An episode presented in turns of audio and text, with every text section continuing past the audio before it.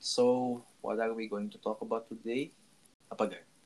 Gue kepikiran bahas ini sih tentang uh, diet dan uh, health. Oke, okay. gue yakin pasti lu yang ngomong karena gue nggak, gue sangat nggak ada, nggak nggak cocok banget di topik buat gue. karena when you look at my body, yeah, it doesn't resonate. By the way, sorry, suara gue kecil nggak tadi? Enggak, enggak, oke okay kok, oke. Okay. Oke. Okay. Oke. Okay, Iya, kita uh, ini aja Jo, kita saling sharing aja mungkin kayak perspektif kita mengenai makanan, our relationships with food. Oke. Okay. Iya, biar cocok ya, maksudnya kayak uh, ada perspektif dari orang kayak lu yang jaga makan banget, yang trying to gain ya inilah muscular muscular gains gitu. Sedangkan ada dari gue yang slightly bodoh amat sama makanan tapi ya hmm. ya perhatiin juga karena takut ada dampak-dampak negatif ke kesehatan gue kali ya. Gitu kali cocok kan hmm. ya? jadi ya, boleh boleh. we have both extremes gitu. Ekstrim kanan ekstrim ekstrim kiri. Ya lumayan lah lumayan. Hmm, oke. Okay. so jadi gimana, gimana nih? Gimana? Lo gua gua biar lo dulu deh lo dulu deh. Iya gua dulu kali ya. Nggak gua dulu. Lo... gua mulai dengan pertanyaan untuk lo. Nah. Nggak lah lo dulu dong. Kenapa nggak apa gantiannya lo duluan sekali sekali oke. Okay. jadi kalau apa ya apa yang gue ceritain ya? Mungkin kalau relationship gue dengan makanan tuh basically gue kan suka makan.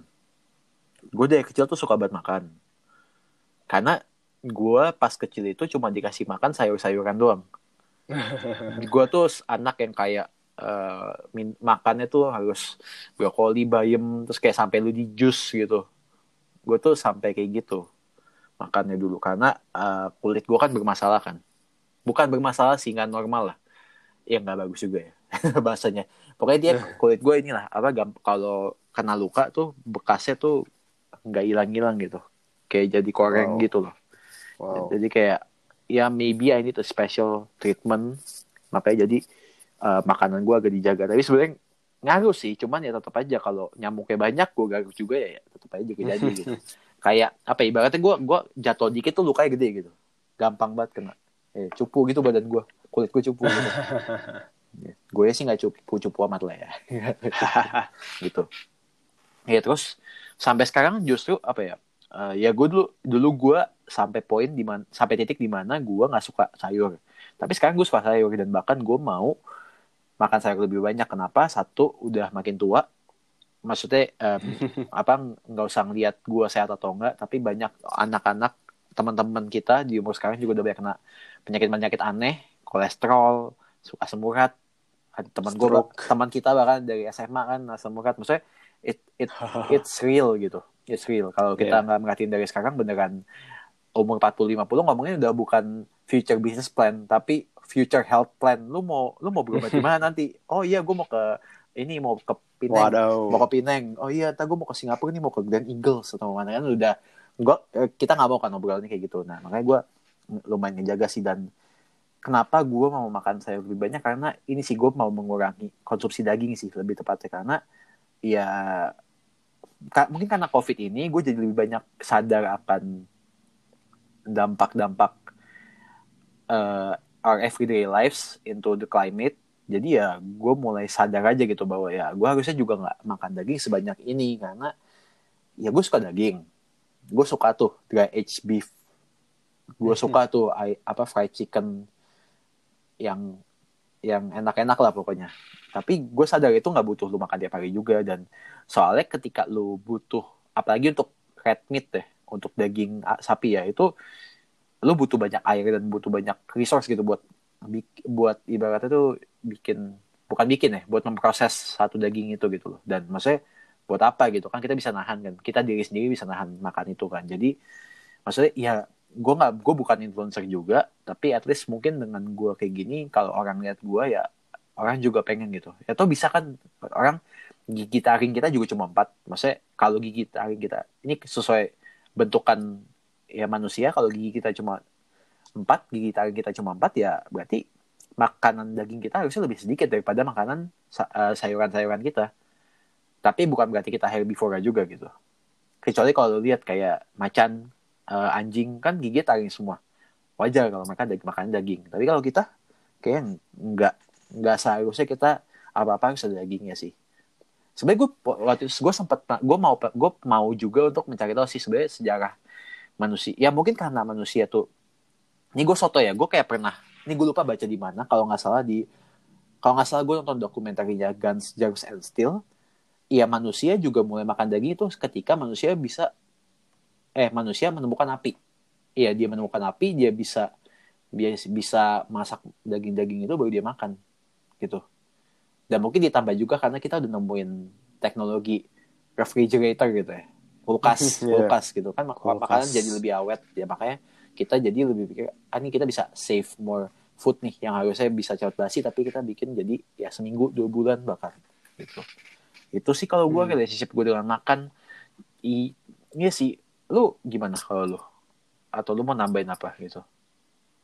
Uh, atau yang mau pertanyakan dari cara berpikir gue kayak gitu? Um, gue penasaran jadi kayak lu dari kecil tuh udah dipaksa makan sayur deh. Iya gue dipaksa makan sayur. Dan dan efeknya lu malah kayak growing up lu malah nggak suka sayur. Iya growing up nggak suka. Karena iya apa ya gue nggak tahu ya mungkin pada saat kecil dulu ya lidah kita tuh nggak apa ya rasa sayur tuh nggak appeal di lidah kita gitu. Maksudnya hmm. ya maksudnya nggak usah dulu deh sekarang aja lu merem lu makan fried chicken so, eh, lu makan kulit ayam sama lu makan brokoli kan lu tahu gitu gimana maksudnya gue nggak tapi gue nggak tahu sih itu udah bias karena kita berpuluh-puluh tahun makan itu atau enggak tapi ya harusnya makanan yang kayak gitu yang seperti kulit ayam gitu itu pasti akan lebih enak rasanya gitu hmm. naturally gitu Yeah, yeah. I, feel like the myth is that if kids start eating a lot of vegetables when they're young, they're gonna love vegetables. Apparently, nggak juga ya? Nggak, nggak, nggak. Nggak juga. Lu gitu nggak? Pasti lu, pasti anak kecil kan disuruh banget tuh makan sayur gitu. Lu iya nggak? No, no, not me, man. Gue, gue pas kecil, gue jarang banget makan sayur gue. Ah, okay. Makanya gue sampai sekarang makan sayur agak susah gitu. Oh. Tapi ya seiring uh. dengan gue sadar pentingnya sayur, gue I'm starting to like order vegetables at restaurants. Hmm. I'm starting to order salad when I go to restaurants now. Oke. Okay. uh, gue ini sih, uh, gue mau nambahin nih. Uh, jadi gue pas, gue tuh dulu sayur yang cuma sa, sorry, sayur-sayur yang cuma bisa gue makan tuh cuman bayam. Gue juga, gue juga. Bayam, bayam doang. Sama wortel sisanya gue yeah, gak mau makan sama sama sama lo tau gak sih juga. bayam yang kayak dikuahin sampai ngambang gitu bayamnya yes yes itu sama ada wortel hmm. yes gue juga gue juga iya dan gue ini proses gue untuk suka suka sayur yang lain tuh susah gitu kayak mungkin yeah. gue bayam itu tuh SM gue maksudnya itu itu sayur yang sustain gitu. Selalu gue makan dari gue kecil sampai gede. Mungkin sekarang jarang karena gue maksudnya gue nggak gitu suka sih bayamnya gitu digituin. Tapi kayak apa ya mungkin pas gue SMP eh SMA aja kayak gue mulai mengenal mengenal makanan di luar iya gue jadi kayak makanan gue baru mulai makan enggak sih gue SMP udah makan kotor juga sih gue udah makan warteg segala macam. Cuman gue SMA tuh lebih parah lagi jadi kayak gue kenal jamur. Gue dulu nggak gue nggak tahu lu jamur tuh bisa enak. Karena ya lu ya tahu bentukannya gitu kayak itu sangat sayur maksudnya sangat tumbuhan gitu tapi enak gitu. Dan bahkan tuh jadi salah satu sayur yang gue suka. Terus kayak gue pelan pelan nyobain brokoli terus nyobain dulu gue juga gue sangat fascinated dengan bayam crispy. Wah itu enak banget sih. Bayam crispy jadi apa ya pelan pelan sih gue ini apa pelan pelan jadi suka sayur lagi dan walaupun gue sekarang masih nggak bisa makan yang kayak apa ya jagung tuh gue belum bisa suka. Gue gue nggak suka semua tipe jagung. Jadi kayak lah uh, sumpah gue apa? gue nggak suka jagung bakar gue nggak bisa. Gue mending bis apa ya jagung tuh dia apa ya? Eh jagung bakar gue bisa. Bisa nggak ya? Bisa deh kayaknya. Pokoknya jagung kayak jagung eh jagung di di kayak kayak di kuah bayam gitu gue bisa. Tapi kalau ja, jagung lu kayak kasih jagung susu kayak ah itu udah aduh. Wah itu nightmare sih buat gue orang enak gue wah itu nightmare sih buat gue kenapa emang kayak aneh aja rasanya? An mungkin gak iya mungkin karena gue gak kebiasa jadi itu aneh buat gue masih hmm. gue gue mencoba juga gue kayak kayak apparently uh, pacar gue tuh suka banget itu dan gue gue disuruh cobain gak bisa gue hmm. kayak gue udah apa ya ketika gue mau gue mau lahap itu tuh kayak aduh aduh, jangan-jangan. Tapi udah ketika gue makan ya gue coba merasakan nih enaknya di mana. Tapi nggak bisa nggak nyambung. Ada asin ada manis dan manisnya tuh aneh gitu. Satu kental Hmm. manis gitu satu nih manisnya tumbuh apa manis manis sayur. Ngerti gak sih lu? Bukan sayur sih tapi manisnya jagung. Beda gitu. Hmm. Dan ada Lo pernah lo, lo pernah nggak sengaja ini nggak? Makan jagung? jagung? Mak makan makan kayak kalau misalkan di sayuran atau misalkan Oh. kayak ada nasi nasian yang ada jagungnya atau ada kayak Hmm. salad gitu gue makan. Kayak gue lebih apa ya gue kan em, kalau ada gue makan. Tapi kalau ada yang lebih baik daripada jagung gue pasti akan makan yang lain gitu. Hmm. sama baru-baru ini gue juga baru suka te terong balado. Waduh tuh. Lah, ah lu nggak suka? Demi apa lu no, nggak bisa gue. nggak jadi gue tahu terong tuh emang teksturnya aneh nggak enak Eh, Ta- tapi kalau lu nemu terong balado yang enak gak itu enak banget beneran deh kayak lu serius lah. lu kayak nggak nah ntar deh kapan-kapan coba jadi awalnya tuh dulu pas gue kuliah itu ada ka, kaf, bukan kafetaria sih K- eh, kayak semacam warteg gitu tapi di ruko Nah, Hmm. si ibu-ibu kantinnya ini ibu-ibu war bukan ibu-ibu gue mau bilang ibu-ibu warteg tapi dia cinci gitu. Dia cinci warteg ini tuh dia eh, bikin apa tuh namanya terong balado. Dan ini super enak. Ini rasanya kayak lu makan kentang gitu. Kentang tapi balado. Bukan kentang sih apa ya kayak enak deh pokoknya. Sumpah nggak kayak apa ya lu lu bayangin terong tuh ya lu lu tahu bentukannya terong lu bayangin rasanya kayak gimana teksturnya kayak gimana nggak sama sekali. Oh ini benar-benar mengubah otak gue soal terong sih dan ever Hmm. eh, since then gue selalu nyari terong balado yang enak dan ketika gue dan ini kebetulan di rumah gue eh, apa namanya bisa masak terong balado yang enak dan gue tiap kali makan sayur tuh eh, maksudnya kayak tiap tiap hari hampir tiap hari gue pengen pasti gue minta terong balado kalau ada kalau nggak ada ya masa gue minta sih Oke, oke. maksa juga gitu tapi lu masih Ntar cobain sih Kapan-kapan gue coba deh. Terong- Cariin gue yang paling enak. Ntar gue coba. siap siap Ntar Oh, I only want the best. Yeah, you always want the best, right? Kalau apa? the best. Lo pakai ada ada nggak sih kayak sayur yang mengubah perspektif lo akan sayur gitu? Misalnya kayak sebelumnya lo melihat ini nggak enak, tapi pas lo coba, wah enak banget gitu. Kayaknya salad pada umumnya sih dulu. Oke. Ya, dulu dulu dulu pas gue kecil sama kayak lo Jo. Gue kayak makan sayur cuman bayam dan wortel. Oke. Yang which is ya kayak apa ya? eh starter vegetables lah. Oh. Yang paling kayak yang paling enak. Hmm. Jadi kayak gue makannya dulu itu doang sih pas kecil. Hmm. Terus kayak sampai gue kuliah pun gue juga makannya masih kayak gak sehat gitu gue. Hmm. Yang kayak wah kacau deh. Apalagi pas gue kuliah, gue, gue orang kan demen banget ini kan makan yang manis-manis gue. Oke. Mungkin orang-orang tuh ada yang kalau stres tuh mereka larinya ke rokok gitu. Iya. Kalau gue larinya kayak manis-manisan Jo. Kayak coklat, Rice Krispies Treats. Wah itu dewa sih. Rice Krispies. Wah Di- enak banget. Di Indo tuh gue belum nemu loh. Nggak tahu. Oh, ya? Gue nggak tahu ya apa gue se nggak tahu itu. Tapi gue nggak nggak pernah nemu Rice Krispies yang enak ya. Hmm. Kayak ada gue tuh bahkan buat sendiri, buat dibuatin pacar gue bahkan. Nah, iya dulu gue beli begituan tuh kayak satu box gitu isi 36 biji, Jo. Oh. Oke. Iya, gue beli begituan. Terus kayak to the point that gigi gue tuh sampai berlubang-lubang gitu. Dan dulu gue wah suka banget gue sama kayak ada permen namanya Starburst tuh ibarat kayak sugusnya gitulah di sana di US. Gue gue beli itu yang kayak satu bungkus gede Jo. Hmm. 41 ounces.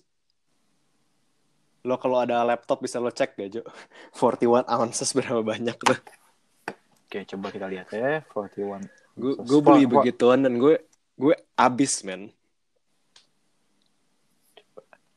Ini 41 atau 4.1? 41. For, 41 41 41 Sa-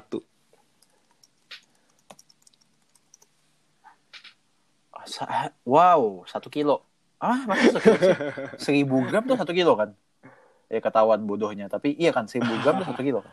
Oh, ya pokoknya seri, seri- seribu gram kayak banyak dah pokoknya gue beli begituan and itu cuma permen doang gitu loh Oh gila sih. lo, lo, bis- lo bisa bayangin gak sih berapa banyak permen Hmm. Kebayang. 41 ounces is Kebayang. Itu kayak satu tas. Satu ka- back praksek backpack gitu kali ya? Iya gak sih? yes iya iya Wah Iya. gila lu. Wah gila lu. terus gue juga dulu kayak makan kayak sen- seneng banget ya makan permen-permen kayak dulu gue sempet makan haichu kan permen haichu gue suka banget Ah. terus kan gue gigi gue belakang tuh ada gigi apa sih Gigi- wisdom tooth iya. gitu kan yang Iya. miring gitu yang Iya. gigi yang nggak penting itu lah Iya. terus kayak gue gara-gara makan permen itu kayak jadi bengkak gitu cuy bagian mulut Hmm. gue yang bagian gigi Demi gitu apa gak sih? terus kayak gue malam itu nggak bisa tidur cuy saking ngilunya Oke. terus akhirnya gue kayak ke dokter gigi terus akhirnya dikasih obat gitu dan Hmm. eventually akhirnya ya untungnya sembuh sih cuman gue sejak hari itu gue nggak pernah makan haichu lagi sih walaupun enak banget emang Apa sih haichu? Coba pasangan Yang- gue. haichu itu loh haichu Oh iya iya iya iya, iya. that is Ah. so good Oh yang kayak enak banget Tevi gitu. Oh iya ding iya ding iya ding iya ding. Yang teksturnya ini ya maksudnya nggak bukan permen yang kayak aduh relaksa ya. Ini beda Nah, banget. yang, yang soft soft gitu Beda banget nih satu apa Indo satu. Iya gue tau gue tau. iya iya. Kayak Pokoknya sugus gua- sugus gitu ya ini. iya kayak sugus gitulah Oke. Terus tapi gigi lu ditambel kan? Tambel kan apa apa enggak? Eh Apa akhirnya Hmm. oke em, pokoknya gue gue over the years gue ya sekali sekali ditambel gitulah Hmm. cuman gue paling banyak pas ini sih pas SMA sih sempet kayak ditambel kayak banyak banget dah mahal banget dan Jadi- bahkan pas SMA gue sampai root canal gitu Oke. yang kayak ada satu gigi yang kayak dimatiin gitu Hmm. soal saking ngilunya Oh, wow itu gue parah banget deh dulu parah sih. But. Uh, eventually Hmm. itu 2018 2017 gitu. Gue balik Indo. Hmm. Terus um, gue lupa ceritanya gimana. Pokoknya gue nonton ada video BuzzFeed. Jadi di video ini kayak mereka challenge gitu. Hmm. 30 days without sugar. Oke, Terus gue gue coba nonton terus kayak lu terinspirasi. terinspirasi gue. Ke- kebayang nih flow gue. Terus Terinspirasi gue. Terus gue akhirnya gue nyoba kan. Hmm. awalnya gue kayak stres gitu Hmm. soalnya kayak gue kebiasaan ngemil kebiasaan kayak uh, makan coklat makan permen dan kalau bener-bener nggak makan yang manis-manis tuh kayak lo pilihan makanan lo terbatas banget gitu Oke. dan kayak misalnya lo kalau ke ini kan dulu gue sempet magang ada di kantor di Cilandak di bawahnya ada kayak Family Mart kalau nggak salah. Hmm. jadi kayak gue kalau ke Family Mart gitu dari yang biasanya dulu bisa jajan beli roti coklat atau apa gitu. Hmm. gue dari biasa jajan gue ke sana nggak bisa beli apa-apa gue soalnya nggak- nggak ada nggak ada yang sehat. Nggak ada nggak ada gulanya it's either snacks or like um, candy. It's either Hmm. snacks or sweets. Jadi kayak begitulah tapi sebenarnya gimana ya? Gue kayak on off gitu sih. Kayak gue kadang ada fasenya di mana gue bener-bener kayak sama sekali nggak makan yang manis-manis berbulan-bulan. Kadang ada juga gue kadang ya relapse juga sih gue kayak ada ada fasenya juga di mana gue kayak bener-bener kayak apa ya? Binge eating gitu. Binge eating on sugar. Lu bisa So, segitunya ya? I I have different like stages gitu. Jadi Oke. Tapi gimana ya kayak ada juga masa-masa di mana gue in moderation aja gitu kayak gue santai aja kalau pengen yang manis-manis gue makan yang manis-manis gitu Biasanya momen kayak apa tuh? Lu yang benar-benar binge eating itu kayak liburan gitu atau lagi eh, cuti atau lagi apa ya lu nonton series gitu atau gimana? nggak nggak tentu sih sebenarnya nggak tentu Berarti lu nggak couple nggak couple itu sama ini ya? Maksudnya lu nggak tempelin itu sama sebuah habit gitu ya? Maksudnya ya udah when it comes it comes gitu. gimana ya kayak kadang ya relapse relapse juga gitu loh Jo Oke. kayak I'm still trying to like define my relationship with sweets apakah gue kayak cuman makan sweets kalau ditawarin kan Yeah. some some smokers are like that kan kayak cuma ngerokok Yeah. kalau ditawarin gitu social Like, smokers. ya Yes. social smokers atau mungkin gue kayak bener-bener Yeah. 100% cut sugar for my life, cut Yeah. sweets. Atau mungkin yang kayak gue, ya once in a while I have cheat days gitu. Gue masih like still trying to like define it. Tapi ya, kalau right now sih gue lagi ini kayak jadi gue udah kayak empat minggu lah. Hmm. Gue kayak bilang ke kayak waktu itu gue, gue bilang ke ada temen gue kayak Oke, gue minggu depan gue gak akan konsum sweets kecuali kalau ditawarin. Oke. Gue gue udah empat, gue udah minggu keempat kayak gini dan it works gitu. I gue masih kayak keep going. Dan gue sebelum ini sempet kayak nge-binge parah banget gitu. Oke. Tapi akhirnya kayak sejak gue bilang make this commitment to uh, ke temen gue, kayak Hmm. akhirnya kayak gue kembali ke ini lagi sih, udah mulai sehat lagi sih. Iya. udah mulai Nggak sehat apa- lagi. Ya, inilah jalanin dulu aja. Gak usah terlalu di-define banget relationship Hmm. Yoi. lo. Progress not perfection. Ya. At least you're defining some relationship for somebody that's been single for like Oke oke. Eh, Udah udah udah udah nggak usah ke situ nggak usah ke situ. Let's not talk about this. Oke. Let's save it for another episode. Iya iya. Tapi tapi ini juga sih Jo, kayak gue gue like um, me and food Hmm. kayak in, kayak selain the fact that I don't like being uh, hooked onto something whether it be sugar, sweets, Yeah. or anything. Hmm. Uh, other than that, I just want to be healthy sih. Oke. Kayak Dulu dulu kayak ada satu quote yang kayak guru gue pernah sharing di kelas. Hmm. Um, jadi dia bilang kayak "When- you're young, you think you're gonna live forever gitu. Oke. Dan padahal ny- nyatanya enggak gitu. Cuman ya gue jadi kayak ya bener juga sih pas muda mana mikir sih bakal kayak dying young gitu. We Yes. think we're gonna live like a very long life, but that, that's not the case gitu. Hmm. We think we're gonna live forever gitu. Anyways, um, ya itu satu quote yang kayak lumayan kena dan kayak um, awal tahun ini gue juga sempat baca buku ini Jo. Ada namanya uh, Anti Cancer. Oke, Itu- that's that's a very science book. Iya. Iya. Jadi gue nemu di ada di bookshelf kakak gue. Hmm. Um, jadi uh, penulisnya itu adalah sebuah neurosurgeon.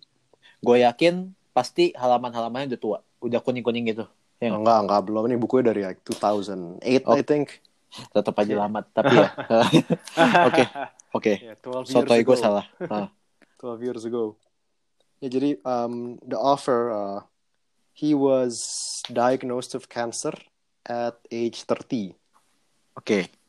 dan um, dia diagnosnya brain cancer dan kata dia sih dia bilang di bukunya biasa kalau kena cancer kayak begini kalau udah di stage-stage yang advance kalau without treatment he'll kecil. probably he'll probably survive for six weeks. With Okay. treatment, he'll probably survive six months gitu. Oke.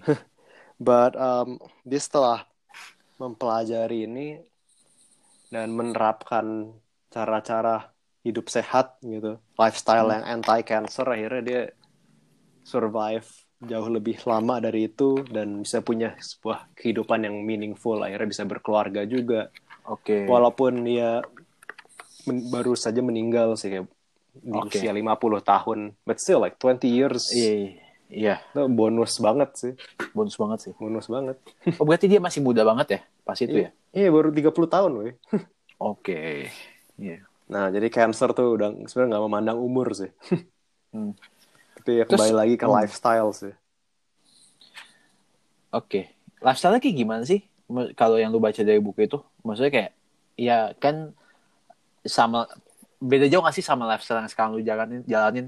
Eh jangan gue deh, kalau gue kan ya gue gue bukan anti cancer kayak gue apa ya cancer gitu kayak kesannya kan hidup gue kalau lu maksudnya kayak dari kehidupan lu nih beda jauh gak sih maksudnya lu lu kan olahraga rutin tiap pagi terus makan lu jaga maksudnya ya walaupun nggak selalu tapi makan lu jaga terus juga ya apa lu juga trying to be mindful with yourself. You, you took yoga. Eh ya. You, you do yoga bukan yoga sorry meditation, meditation.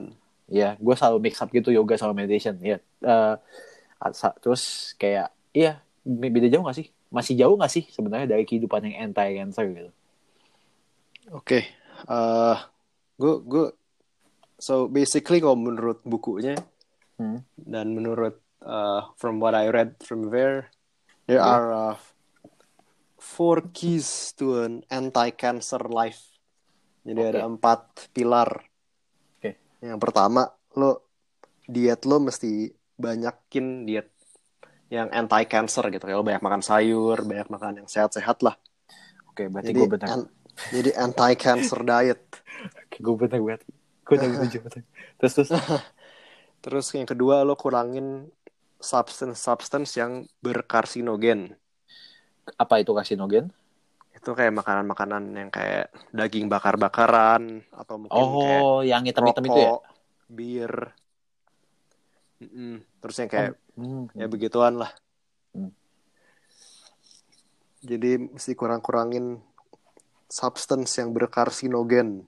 oke Terus yang ketiga mesti banyak exercise. Sebenarnya nggak mesti banyak sih.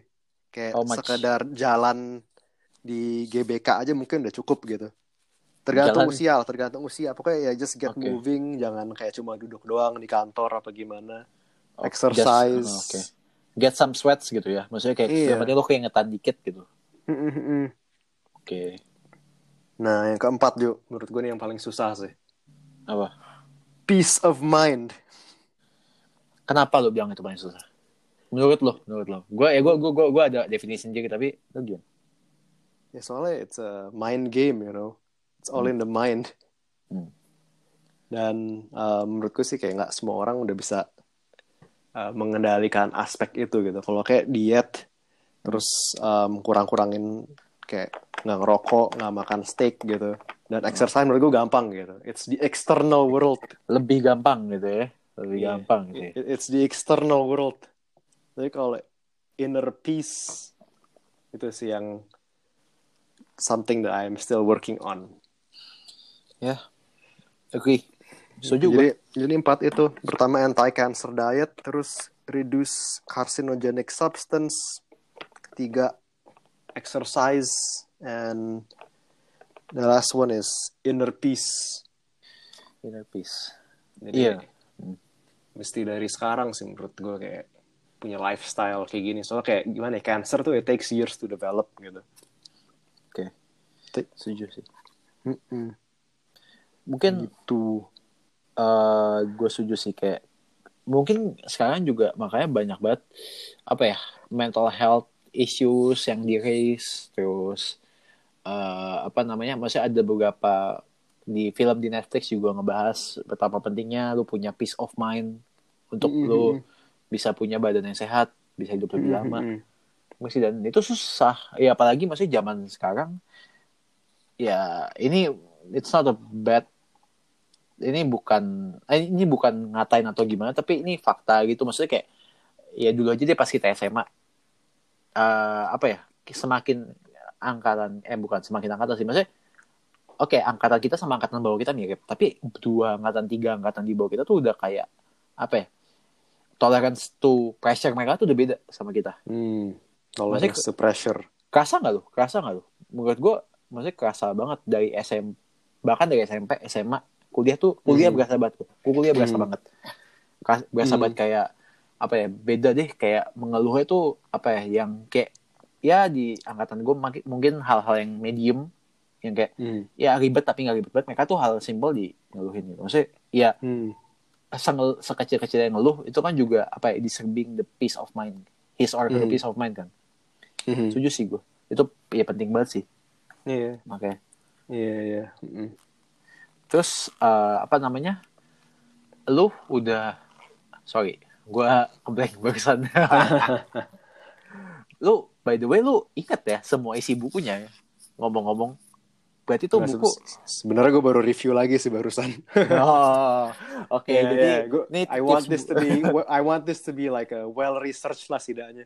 Oke, berarti ini buat apa? Buat kita semua, semua orang yang berasa atau ingat eh yang lu lihat ingat buku kok ini orang ingat banget sih apa yang dibaca? Nggak dia tuh biasanya baru review sebelum disuruh ngomong gitu. Iya, jadi sebenarnya gue sempet lah 30 menit lah gue baca-baca notes gue, lihat-lihat bukunya lagi. oh lu tadi pas ngomong sama gue makanya agak lama lu lihat bukunya ya. Ya tadi,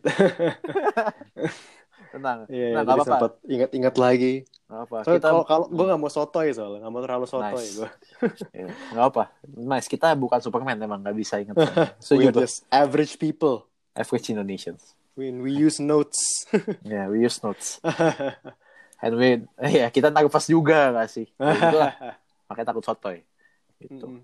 Sama satu lagi sih Jo yang menurut gue kayak lumayan penting sih yang gue dapet dari buku itu. Hmm. Kayak um, mindset kita harus bener-bener apa ya? Jangan helpless gitu loh. Jangan Oke. kayak oh uh, my life sucks, I'm so depressed, Hmm. my job sucks, I'm sick, I'm not gonna get healthy. Gue pasrah aja. ah but That- that- sadly that's not. Hmm? Hmm? that- kalau menurut bukunya that, that's not gonna help gitu. Yes, setuju gue. But sadly, maksudnya teman-teman kita, ya, gue nggak tahu ya teman lu juga apa enggak, tapi banyak loh Hmm. orang yang kayak gitu, yang kayak, ya anjing nih, sorry, tutar kata aja, yang kayak, aduh hidup gue ini banget nih, hidup gue sedih Hmm. banget sih, kenapa sih kelihatan susah banget, kenapa sih gue Hmm. susah banget nyari uang gitu gitulah, banyak banget. Hmm. Menurut lu kenapa mereka bisa mikir kayak gitu? Maksudnya, ya gue gue gue pernah mikir kayak kita pernah pasti pernah lah mikir kayak gitu, tapi kenapa sih mereka di saat yang kayak gini, ya di saat yang kayak gini gitu mereka gak bisa untuk berpikir the other way, which is the positive the positive way gitu. Eh, sebenarnya gue mungkin masuk camp itu juga sih saat ini. Oke. I mean, gue juga I'm not I'm not perfect. Hmm. Sometimes Ah. I overthink. Ya sama sama. Sometimes I get into that um, apa that spiral. Ah. And um, I think mungkin ya kalau butuh bantuan ya kayak yang penting pertama sih ya lu Ask gue for help. gue gue gue iya ask for ask for help kayak dulu gue dulu gue pernah nih Joy kayak gue ketemu gue lupa psychiatrist apa psikolog gitu Kayak psik ke psikolog dia lu nggak kasih obat kan? no no Psikolog ya. Iya, gue gue dulu pernah ketemu kayak psikolog gitu di Indonesia. Gue nemu ada deket rumah gue di daerah Dharma Wangsa. Oke. Gue sebenarnya kayak em, ya sebenarnya sama aja sih prosesnya kayak lo ketemu dokter gitu. Hmm. Kayak lo bikin appointment segala macem. Gue gue udah pernah kayak tiga kali lah ketemu si psikolog di situ. Oke. Dan kenapa gue pengen ketemu psikolog? Soalnya kayak gue ngerasa kayak um, sometimes lo ngomong ke teman-teman lo mungkin mereka nggak punya ilmu yang kayak seorang psikolog punya gitu. Oke. Jadi psikolog yang gue ketemu pertama kali, I think she was this, this old lady. She was in her 70s. And ya, lo kapan lagi gitu lo bisa kayak dapat advice from a 70 year old person yang udah kayak been living for that long. Hmm. Jadi gue, I, I don't mind lah spending money gitu. Oke. Terus kayak um, one of the things she said to me was like um, uh, pertama ya don't overthink things. Dan kadang kayak dia bilang kayak kadang gue terlalu mikirin pendapat orang lain. Hmm. Terus yang kedua dia bilang kayak kalau kamu stres ya kamu ini aja um, cerita ke orang lain aja. Jangan dipendam gitu. Oke.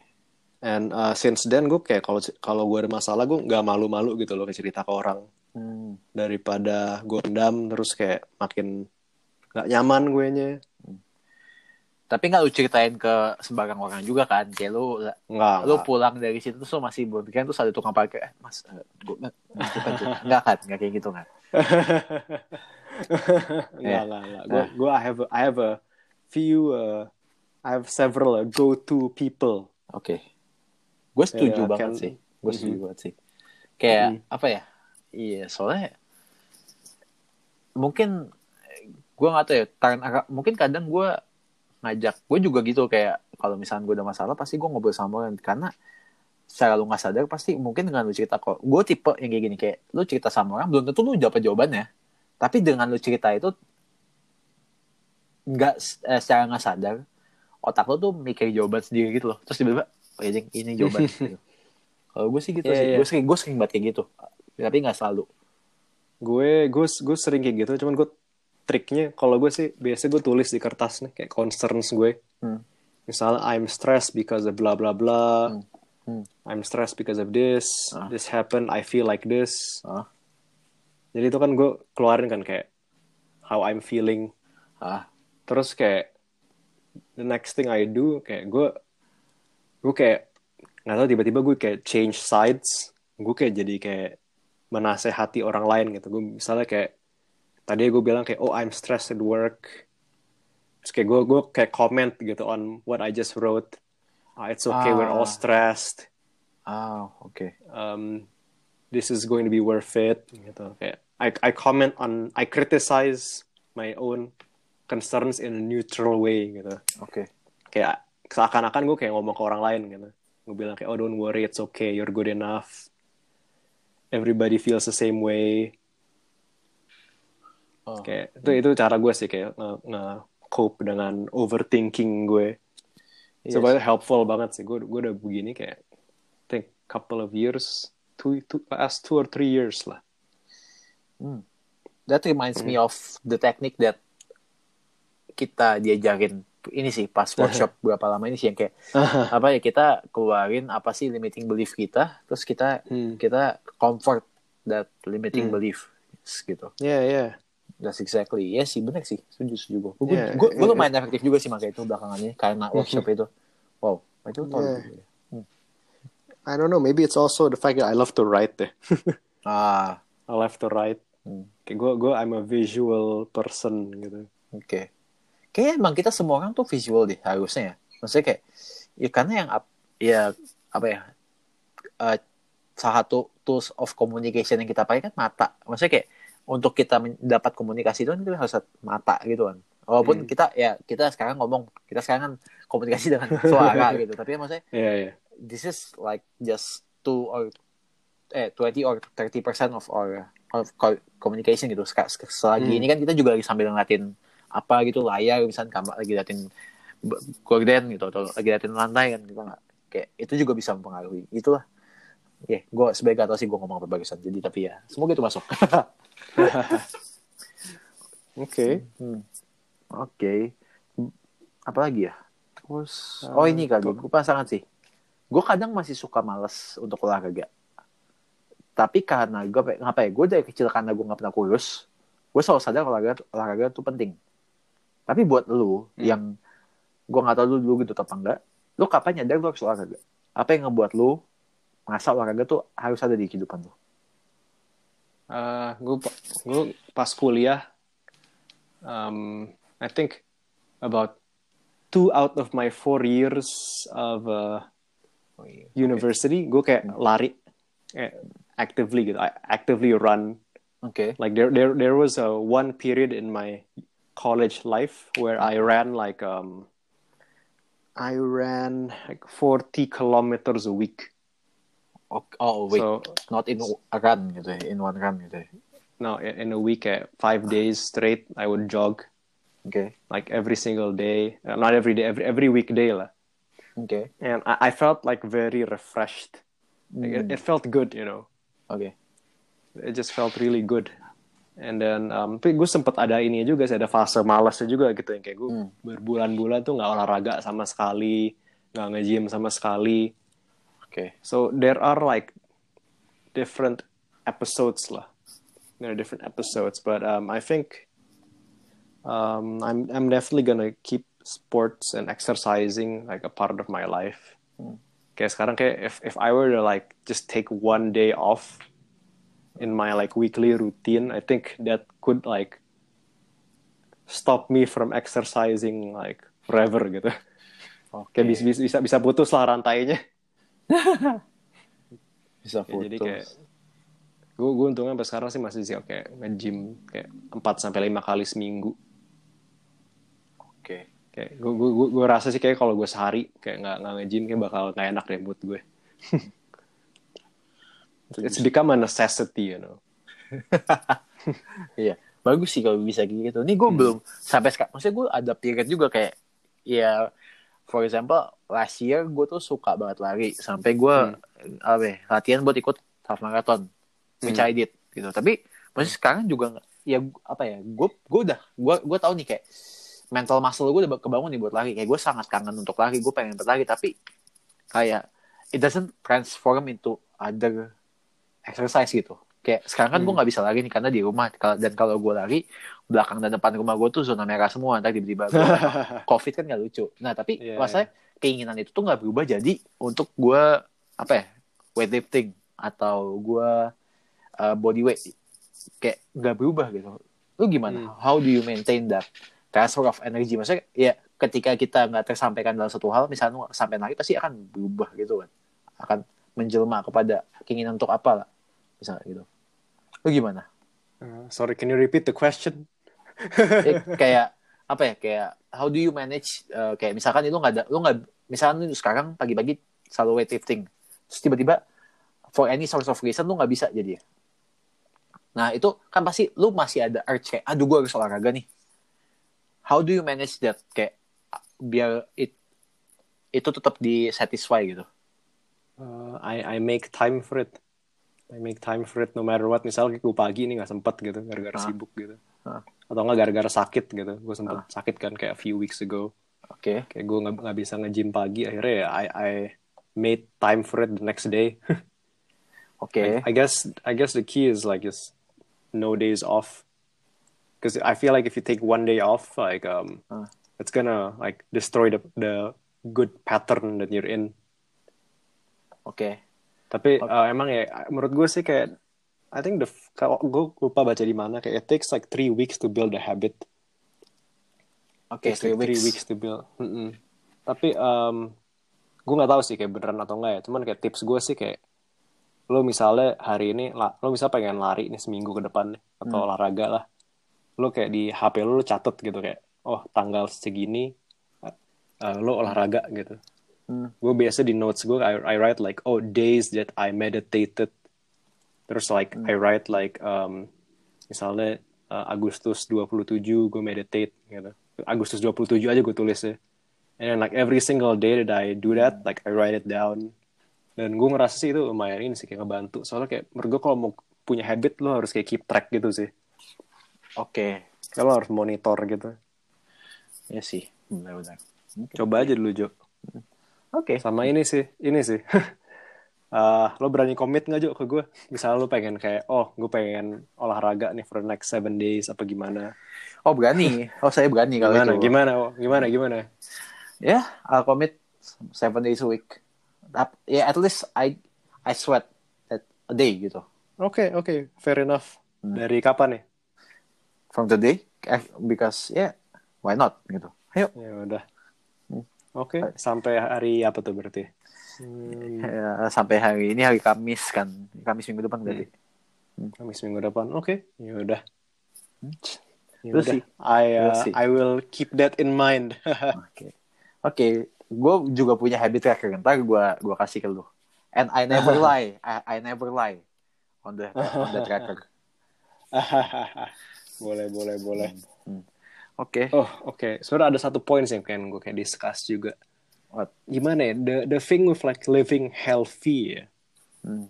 Kayak menurut gue there's this spectrum gitu kayak either you're like a nggak nggak nggak nggak definite juga sih spektrum ini. oke, Kayak if you wanna be healthy, you have to like sacrifice a lot of like a lot of the good things in life gitu. oke, Kayak lo harus mengorbankan kayak banyak makanan se banyak makanan yang kayak enak-enak gitu. Hmm. Kayak misalnya apa ya nasi putih, em, boba, boba, Yos. boba, Iya. cookies gitu. Kayak gue ngerasa gimana ya kayak if you want to live healthy, you're gonna have to make sacrifices gitu. Yes. Dan sebenarnya tiap orang beda-beda gitu. Ada yang kayak pengennya, ada yang kayak oh I just wanna like enjoy life Hmm. And uh, eat whatever I want gitu. Which is ya nggak nggak salah juga gitu. Dan Iya. ter- terserah orangnya gitu. yes. Dan ada juga orang yang kayak bisa bener-bener kayak oh I just wanna be like really healthy. Hmm. I'm gonna like really uh, cut down on my meat consumption. Oke. Dan um, kalau menurut gue sih da- dari antara dua spektrum ini ya nggak ada yang salah sih menurut gue terserah lo gitu. Di tengah-tengah gitu kali ya. Iya, kalau kalau gue mungkin sih balance juga gitu ya. iya ya kalau gue sih kayak pengen nantinya ke depannya pengen mengadopsi ini sih the middle way Hmm. which is in moderation gitu. Iya. Nggak, mungkin. nggak. hmm. Teman ya mungkin agak ke arah sehat dikit lah. Iya, iya. mungkin ini kali ya maksudnya kayak apa ibarat tengah-tengah itu titik nol, terus kayak Hmm. satu tuh sehat, minus satu tuh nggak sehat kayak. Iya, there's some days that we tend to move closer to, to one, and there's other days that we tend to move closer to minus one, but Hmm. in the end we we regress back to the zero to zero gitu, Hmm. ke zero Iya, sum iya. gitu ujung-ujungnya. Mm-mm. Jadi Karena- it's, Karena nggak about pleasurable, nggak Iya. pleasurable juga gitu kan hidup nggak ya hidup saya pleasure buat diri lo, tapi maksudnya masa kalau ketika lo lagi liburan tuh segitunya banget juga nggak- kan nggak iya. akan sehappy itu liburan lo gitu kan. Iya iya. Uh, maksudnya kayak kalau buat mungkin some people yang benar-benar bisa oke banget with like living Ah. healthy and not consuming the good stuff in life. Hmm. Um, tapi kayak I believe in like just following the middle way. Kayak lo nggak extreme austerity, Hmm. tapi lo juga nggak extreme um, apa ya? Bukan happiness ya, gluttony juga nggak nggak. Oke. Jadi not in like the extremes. Jadi Hmm. kunci kata kuncinya in moderation, in moderation. in moderation. Yes. Gitu. Right. Oke, Oke. dari gue itu aja sih paling. Oke. Kalau dari lu itu aja, dari gue juga sekian. Itu aja. Oke deh, siap. Oke. Next week apa yang kita bakal obrolin kita masih nggak tahu jadi stay tune di Average Indonesians Podcast. Kalau misalkan ya seperti biasa kalau kalian ada saran, kritik atau kalian sekedar mau kenalan atau ngobrol sama kita, kalau emang kalian belum kenal kita, kayak sih semua pendengar kita masih teman-teman aja. Kalian bisa ke email kita aja di at, eh di averageindonesians.podcast@gmail.com. Kalau ada waktu pas kita balas dan biasanya kita ada waktu. Jadi pasti akan dibalas. Oke dan kalau gitu see you next week, Gar. Bye. Bye Jo.